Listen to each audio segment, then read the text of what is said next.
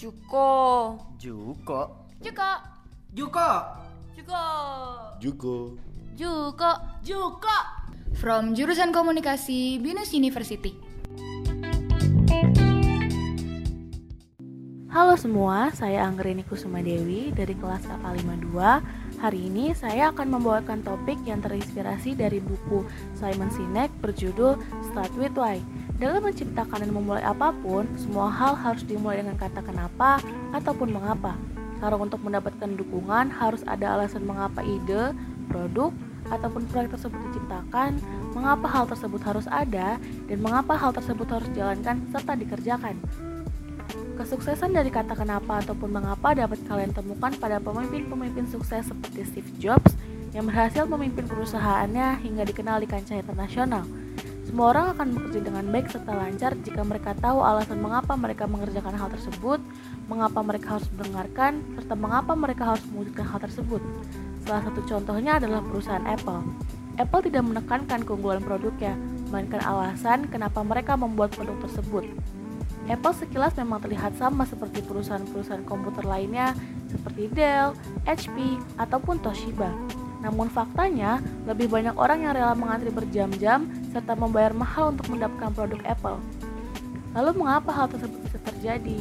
Hal itu karena Apple mempunyai satu perbedaan dari perusahaan-perusahaan lainnya di mana Apple menawarkan lebih dari satu produk di pasaran dan hal tersebut bukan hal yang biasa dilakukan oleh perusahaan komputer lainnya.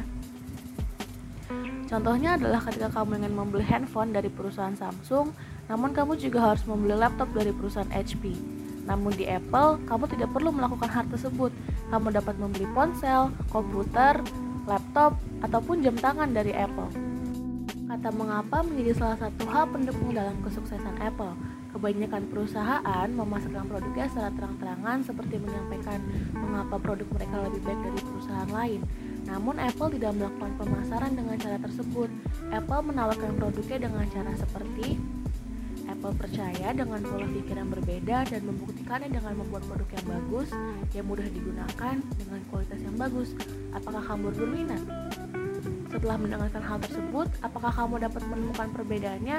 Apple tidak menjelaskan seberapa bagus produknya, melainkan menekankan alasan mengapa Apple membuat produk tersebut. Hal tersebut menjadi salah satu contoh sukses yang membuat kamu harus memulai segala sesuatu dengan mengapa. Apple tidak heboh memilih antara iPad ataupun iPhone dibandingkan dengan produk lainnya, melainkan Apple menegaskan kepada pelanggannya bila mereka percaya dengan pola pikir serta kreativitas yang berbeda, Apple adalah jawaban yang tepat bagi mereka. Apple melihat pelanggannya sebagai seseorang yang memiliki nilai dan kepercayaan, bukan hanya sekedar konsumen. Berikut yang dapat saya sampaikan, sampai ketemu di podcast selanjutnya. From jurusan komunikasi Binus University.